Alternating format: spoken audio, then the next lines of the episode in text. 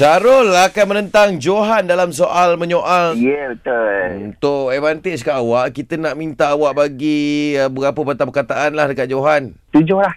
Kita request situasi balik. Okey, awak punya situasi apa tu? Kita request cerita pergi melancong. Okey, Johan okey ke? Boleh. Hmm, kalau macam tu okey lah, Reh. Alright lah, jalan lah. Syarul, lepas bunyi loceng awak mulakan dulu.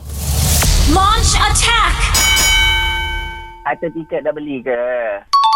Nak pergi mana cuti sekolah tahun ni? Beg baju dah siap ke? Apa yang nak kena bawa pergi sana? Bila kita soal balik pasal beg baju tadi, Apa yang kau mengarut ni? Bagi tahu. beg kita warna biru ke merah? Kenapa ada masalah dengan beg tu lagi? Naik kapal terbang ke? Naik beg? Boleh ke kita ke sana naik motor? Harta motor rotek ni mati, yo. Boleh, Ah, Ah, Yo, itu- bukan, bukan, bukan. Eh, Itu statement je. Ah. boleh ke? Sambung belakang. Eh, baik. Mana aturnya?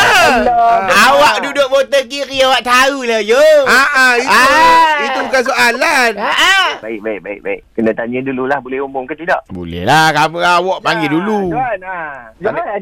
Reh, awak ni nak Itu pergi. yang tanya dulu boleh umum ke tidak. Dah dengar tadi buat-buat tak dengar. Hampir pun dah.